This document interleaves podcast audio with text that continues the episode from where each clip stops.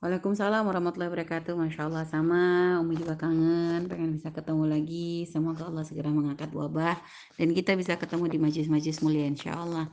Baik Uhti, apa yang menjadikan mengganjal Uhti ya? Kalau misalnya senam yoga ya memang itu kayak untuk senam peregangan otot ya, kalau nggak salah seperti itu kurang lebihnya.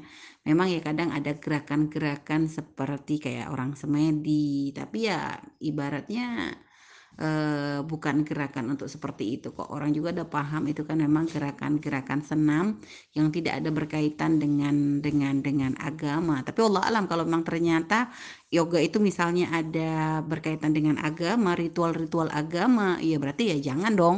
Cuma misalnya nggak tahu apakah mungkin Ukti punya dengar berita seperti itu gitu ya.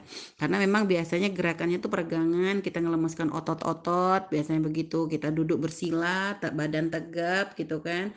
Lalu tangan di depan sesaat, lalu merenggangkan ya begitu-begitu kan ya biasanya.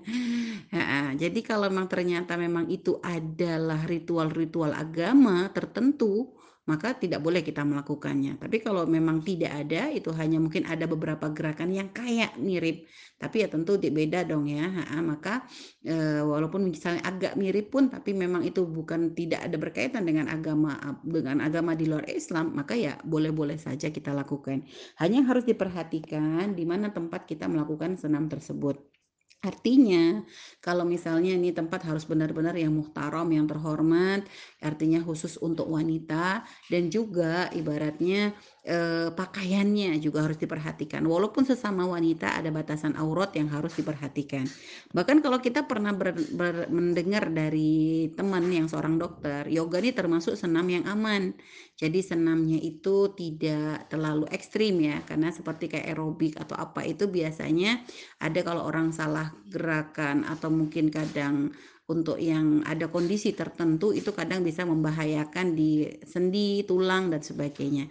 Hanya kalau yoga tuh ibaratnya memang paling aman karena dia lebih kayak peregangan otot seperti itu. Jadi eh, apa namanya?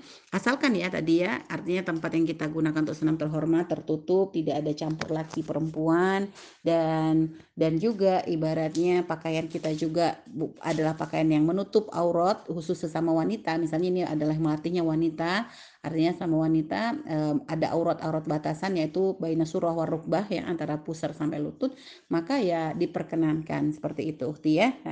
Allah a'lam bishawab.